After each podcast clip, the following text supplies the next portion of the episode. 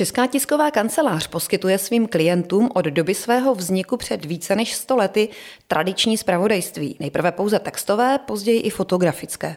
S rozvojem techniky, internetu a nových médií přibyl k textům a fotkám nejprve infografický servis a následně audio a video. Zvukové záznamy rozšířili multimediální servis v roce 2000, kdy se rozjel nejprve zkušební režim a o rok později zařadila Četka Audio do své standardní nabídky. Veřejně se audiospravodajstvím pochlubila přesně před 20 lety 7. listopadu 2001. Vítejte u speciálního vydání Chatcastu, který výjimečně věnujeme pouze audiospravodajství. Počátky audioservisu si přiblížíme s kulturním redaktorem a četkastským pamětníkem Jirkou Borovičkou, který v ČTK působil více než půl století. Od mikrofonu zdraví Martina Vašíčková.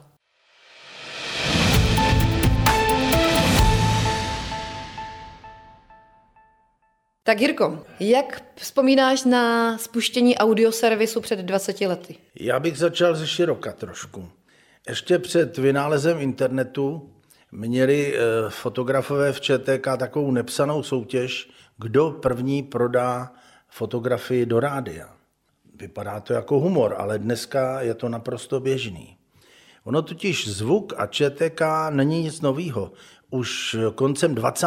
let minulého století přepínal tehdejší radiožurnál mikrofony do Opletalové ulice do ČTK a redaktoři tady četli zprávy. Ta myšlenka doprovodit spravodajství eh, zvukem, audiem, nějakým výstupem navíc a časem ještě k tomu nabalit do té zprávy fotku nebo video, ta je úžasná. Tehdy jsme trošku byli překvapení, protože to pro nás znamenalo především víc práce.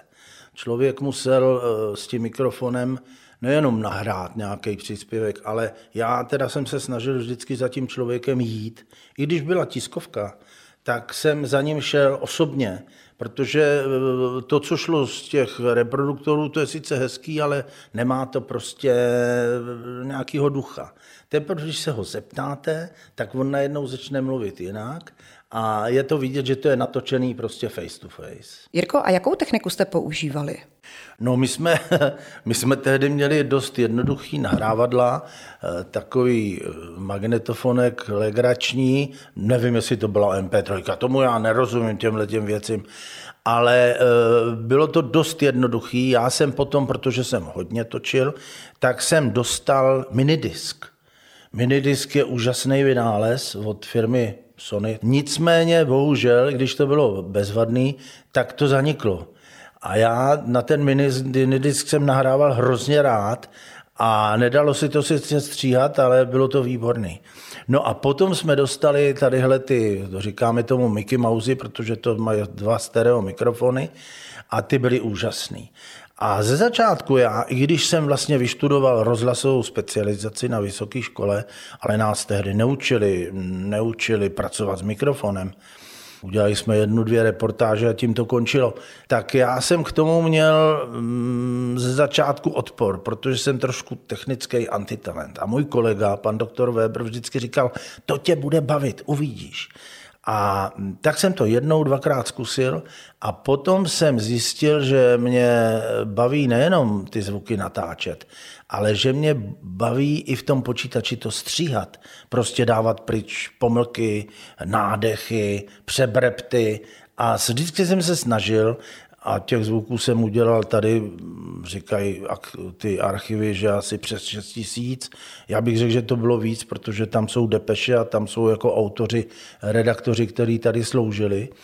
Tak eh, vždycky jsem se snažil, abych tu zprávu poslal jsem úplně hotovou, aby už se na ní nemuselo prostě eh, šahnout. A kolik bylo takových lidí jako ty, kteří kromě toho, že psali, tak najednou začali dělat i ty audiosprávy? Bylo záhodno, abychom to dělali všichni. Nicméně řada lidí se tomu vyhýbala a docela jim to procházelo, protože já jsem to pokryl asi sám všechno. Já jsem prostě měl rád ty věci. A měl jsem rád nejenom eh, dělat aktuální, aktuální eh, nahrávky, ale měl jsem rád eh, potom třeba, když ten, ta osobnost, ten, ten člověk zemřel, tak se dala použít prostě ta historická nahrávka a dalo se to vydat znova Dobrá věc se sluší opakovat, tam jako nebyl žádný problém s tím. A tehdejší šéf-redaktorka, paní Julie Stejskalová, si vymyslela takový institut a to by se jmenovalo krédo. A ona chtěla od těch osobností krédo, umělecký krédo. A to není jednoduchý získat, protože nemůžete prostě po tiskovce přijít k někomu a říct, dobrý den, já jsem z Četky, prosím vás, jaký je vaše krédo. To ne, to byste vypadal jako blbec. Takže eh, to chce s tím člověkem si trochu popovídat, rozmluvit ho, zeptat se ho, jaký máte plány, co chystáte. A potom můžete jako mimoděk říct, no a helejte, vaše životní krédo, jaký je? A on vám to řekne. A to je úžasný. A vzpomeneš si na některé krédo nějaké osobnosti? No to si, nevz, to si takhle si to nevzpomenu, ale, ale e, prostě já jsem měl před tím mikrofonem tolik lidí, kterých si vážím, ať už to byl e, Zdeněk Svěrák. Nepochválím-li se sám, nikdo to za mě neudělá. My se chválíme takhle třeba s Honzou. Večírek chvály si uděláme. Když se nám něco povede, třeba po premiéře filmu, tak se spolu jdem na pivo a říkáme, víš, co se ti nejvíc povedlo? A víš, co tobě se nejvíc povedlo? Že chválit se má nakonec i Václav Havel, ale e, i, i Jiřina Jirásková, Jan Kačer. Čistý svědomí, to je jediný moje krédo, kterýho se držím. Snažím se se chovat tak, abych mohla mít čistý svědomí. Mám třeba od Evalda Šorma, kterýho jsem celý život obdivovala, který umřel vlastně mladý, tak ten měl člověk musí hodně vytrpět, než všechno prohraje nebo od Kavky mám. Lež se uzákonňuje jako světový řád, což je myslím velmi vážný a velmi celospolečenský. Ne, že by to bylo moje krédo, ale jsou to takové věci, na které vždycky narazíte, když nemůžete spát. To byli všechny takový lidi, kteří prostě přemýšleli, somr. Mně se od, od jak živa a vždycky to používám, líbí Verichovo, staré. Život vždycky stál, stojí a bude stát za to, aby se dožil. Ono se s tím totiž nic jiného nedá dělat. Jo, herci prostě výborný a tam ty, ty kréda prostě byly bezvadný. A to se psalo samo. Jako. A vzpomeneš si na nějakou svou reportáž, audioreportáž, která byla něčím originální, unikátní? No, točil jsem v různých prostředích, ale tam šlo potom o to, oni na začátku i po nás chtěli, abychom eh, používali tzv. depeše. Když budeme v zajímavém prostředí, abychom poslali depeši. To zná, tam už byl vlastně rozhlasový redaktor. Já jsem tohle využíval nejvíc eh, při spravodajství z Karlovarského festivalu a to byla radost. Prostě napsat na ten papír, na tu A4, to, co se tam děje a vychrlit to prostě tady do toho studia, to mě hrozně bavilo a bylo to velice jednoduchý. Filmoví fanoušci to mají na Karlovarském festivalu těžké. První projekce, ze kterých si mohou vybrat, totiž začínají už 9 hodin ráno, ty poslední až po půlnoci. Přitom jde o sekci tzv. půlnočních filmů, které jim určitě ke klidnému spánku nepřidají. Většinou jde o horory, například z dílny japonského mistra tohoto žánru Yoshihira Nishimury. Mnohem klidnější je sekce připomínající letošní z té výročí narození scenáristy Jiřího Brdečky. Celkem tři projekce tu má například jeho skvělá parodie na klasické kovbojky Limonádový kterou režisér Oldřich Lipský natočil už v roce 1964 diváky pobaví i po více než 50 letech. Z Karlovarského festivalu Jiří Borovička ČTK.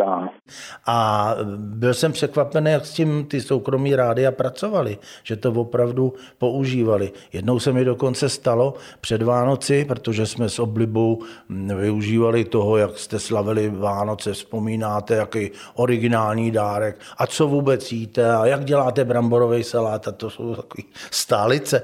A já jsem jednou poslouchal rádio a slyšel jsem Jiřího Suchýho, který vzpomínal na to, jak na Spořilově slavil Vánoce a co tehdy dostal. A já jsem si říkal, Herdek, tohle to já znám.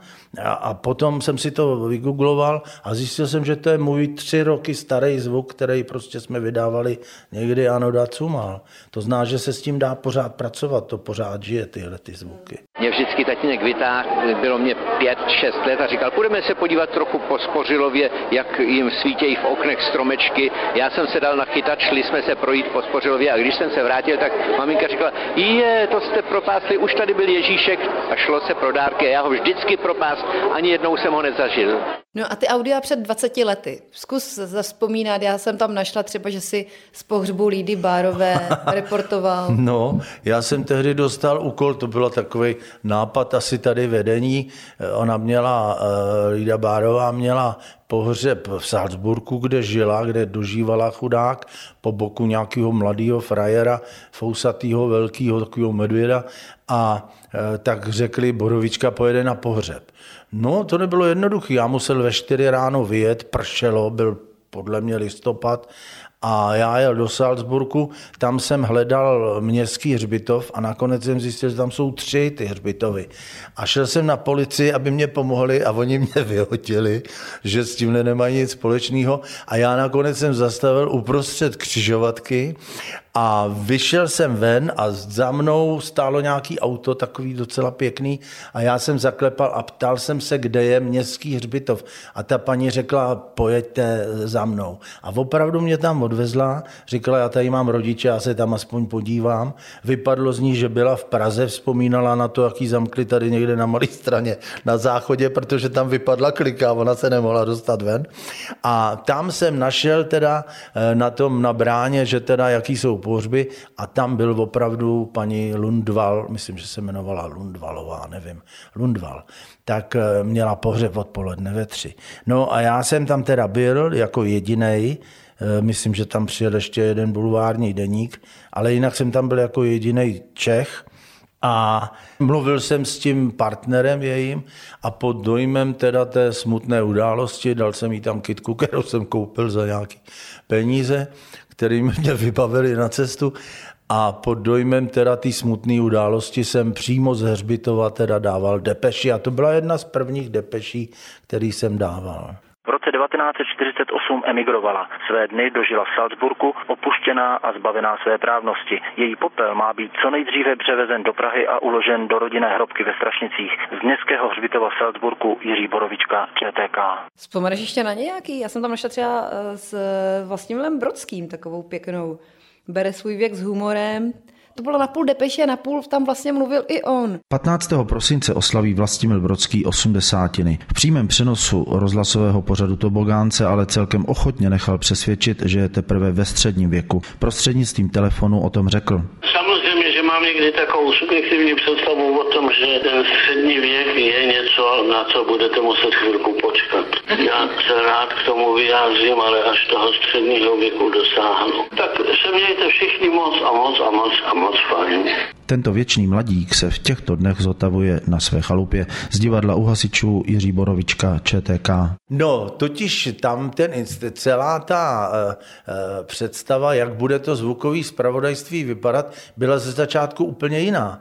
Tam jsme dělali napřed ohlášení, potom odhlášení a uprostřed byl ten zvuk, potom už se to změnilo, od toho se upustilo. Spíš bylo na tom rádiu nebo na tom médiu, aby to ohlášení sami přečetli a dali tam jako ilustraci ten zvuk.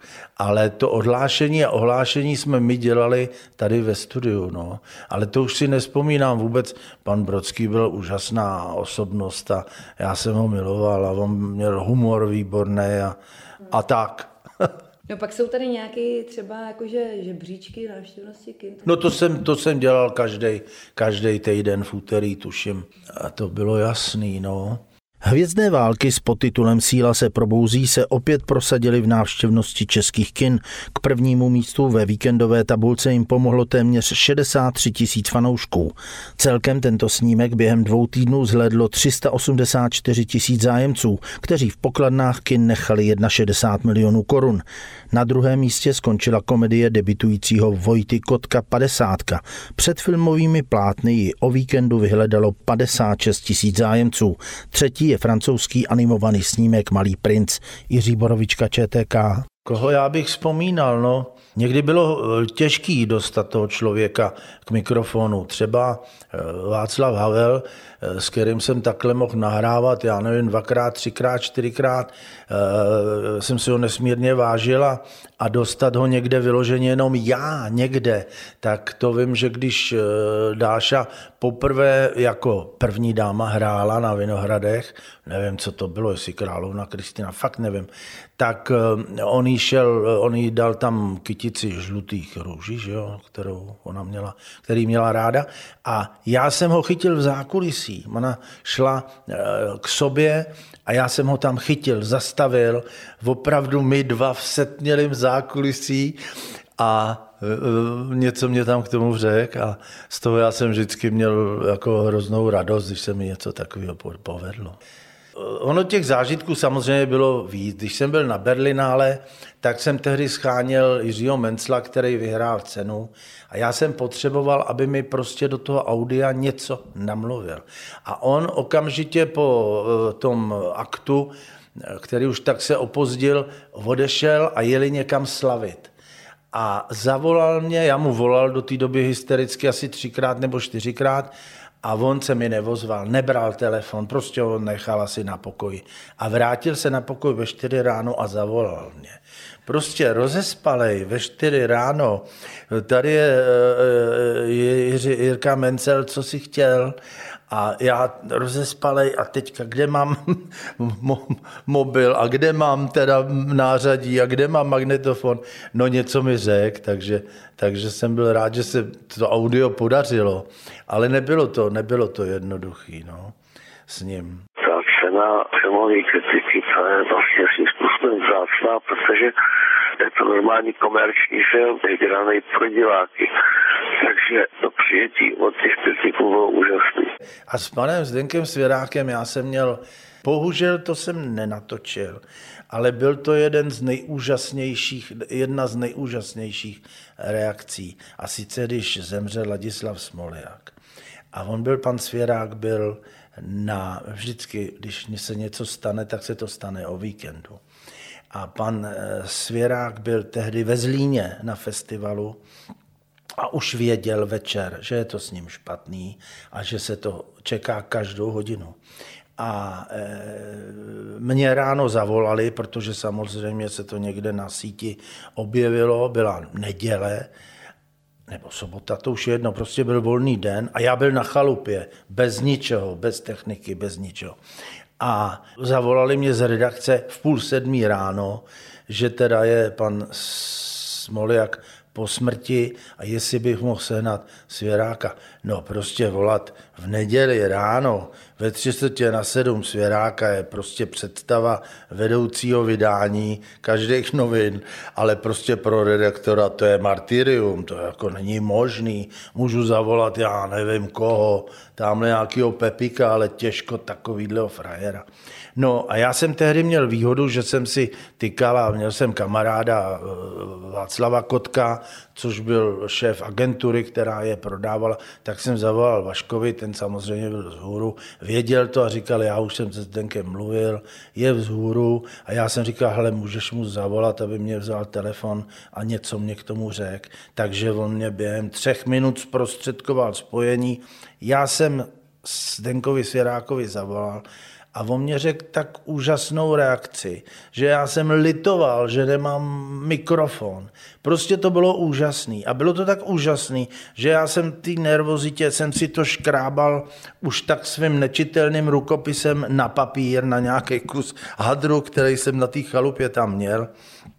A když jsem potom během pěti minut to dal dohromady, abych to mohl zavolat do četky, tu reakci, a diktoval jsem to do stenografie, nebo tehdy ještě steno nebylo, tam nikdo nebyl, tak jsem to té redaktorce prostě diktoval, tak jsem se rozbrečel. Já jsem to prostě psychicky neunes. To bylo tak hezký, tak lidský a tak úžasný, bezprostřední. A já jsem litoval, že ten mikrofon nemám.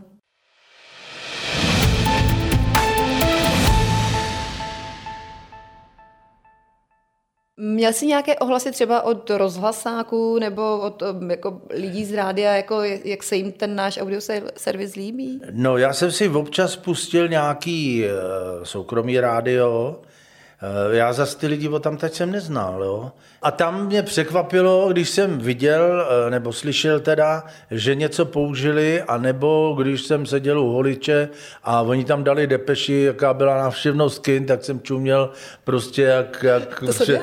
No, no, tak to, to se mě líbilo, jako. Prostě cítil jsem se jako rozhlasák, no. Bylo to nová dimenze tady té práce četkařský. Takže si myslíš, že to k tomu servisu ČTK, k tomu agenturnímu zpravodajství patří? Nepochybně. Dneska, kdy prostě lidi jsou na těch internetech, tak proč ne? Jako, je to výborný, je to obohacení. Říkáme to obohacení.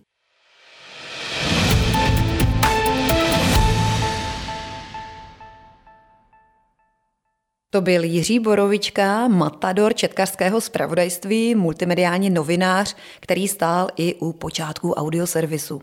Za dobu existence audiospravodajství vydala ČTK přes 200 tisíc zvuků, ať už depeší redaktorů nebo výroky politiků, umělců, sportovců, ale i třeba policie nebo hasičů. Redaktoři pokrývali veškeré důležité dění od povodní v roce 2002 přes vstup Česka do Evropské unie v roce 2004, předsednictví EU nebo třeba úmrtí Václava Havla, první přímou volbu prezidenta, Brexit a v poslední době je to hlavně dění okolo nemoci COVID-19.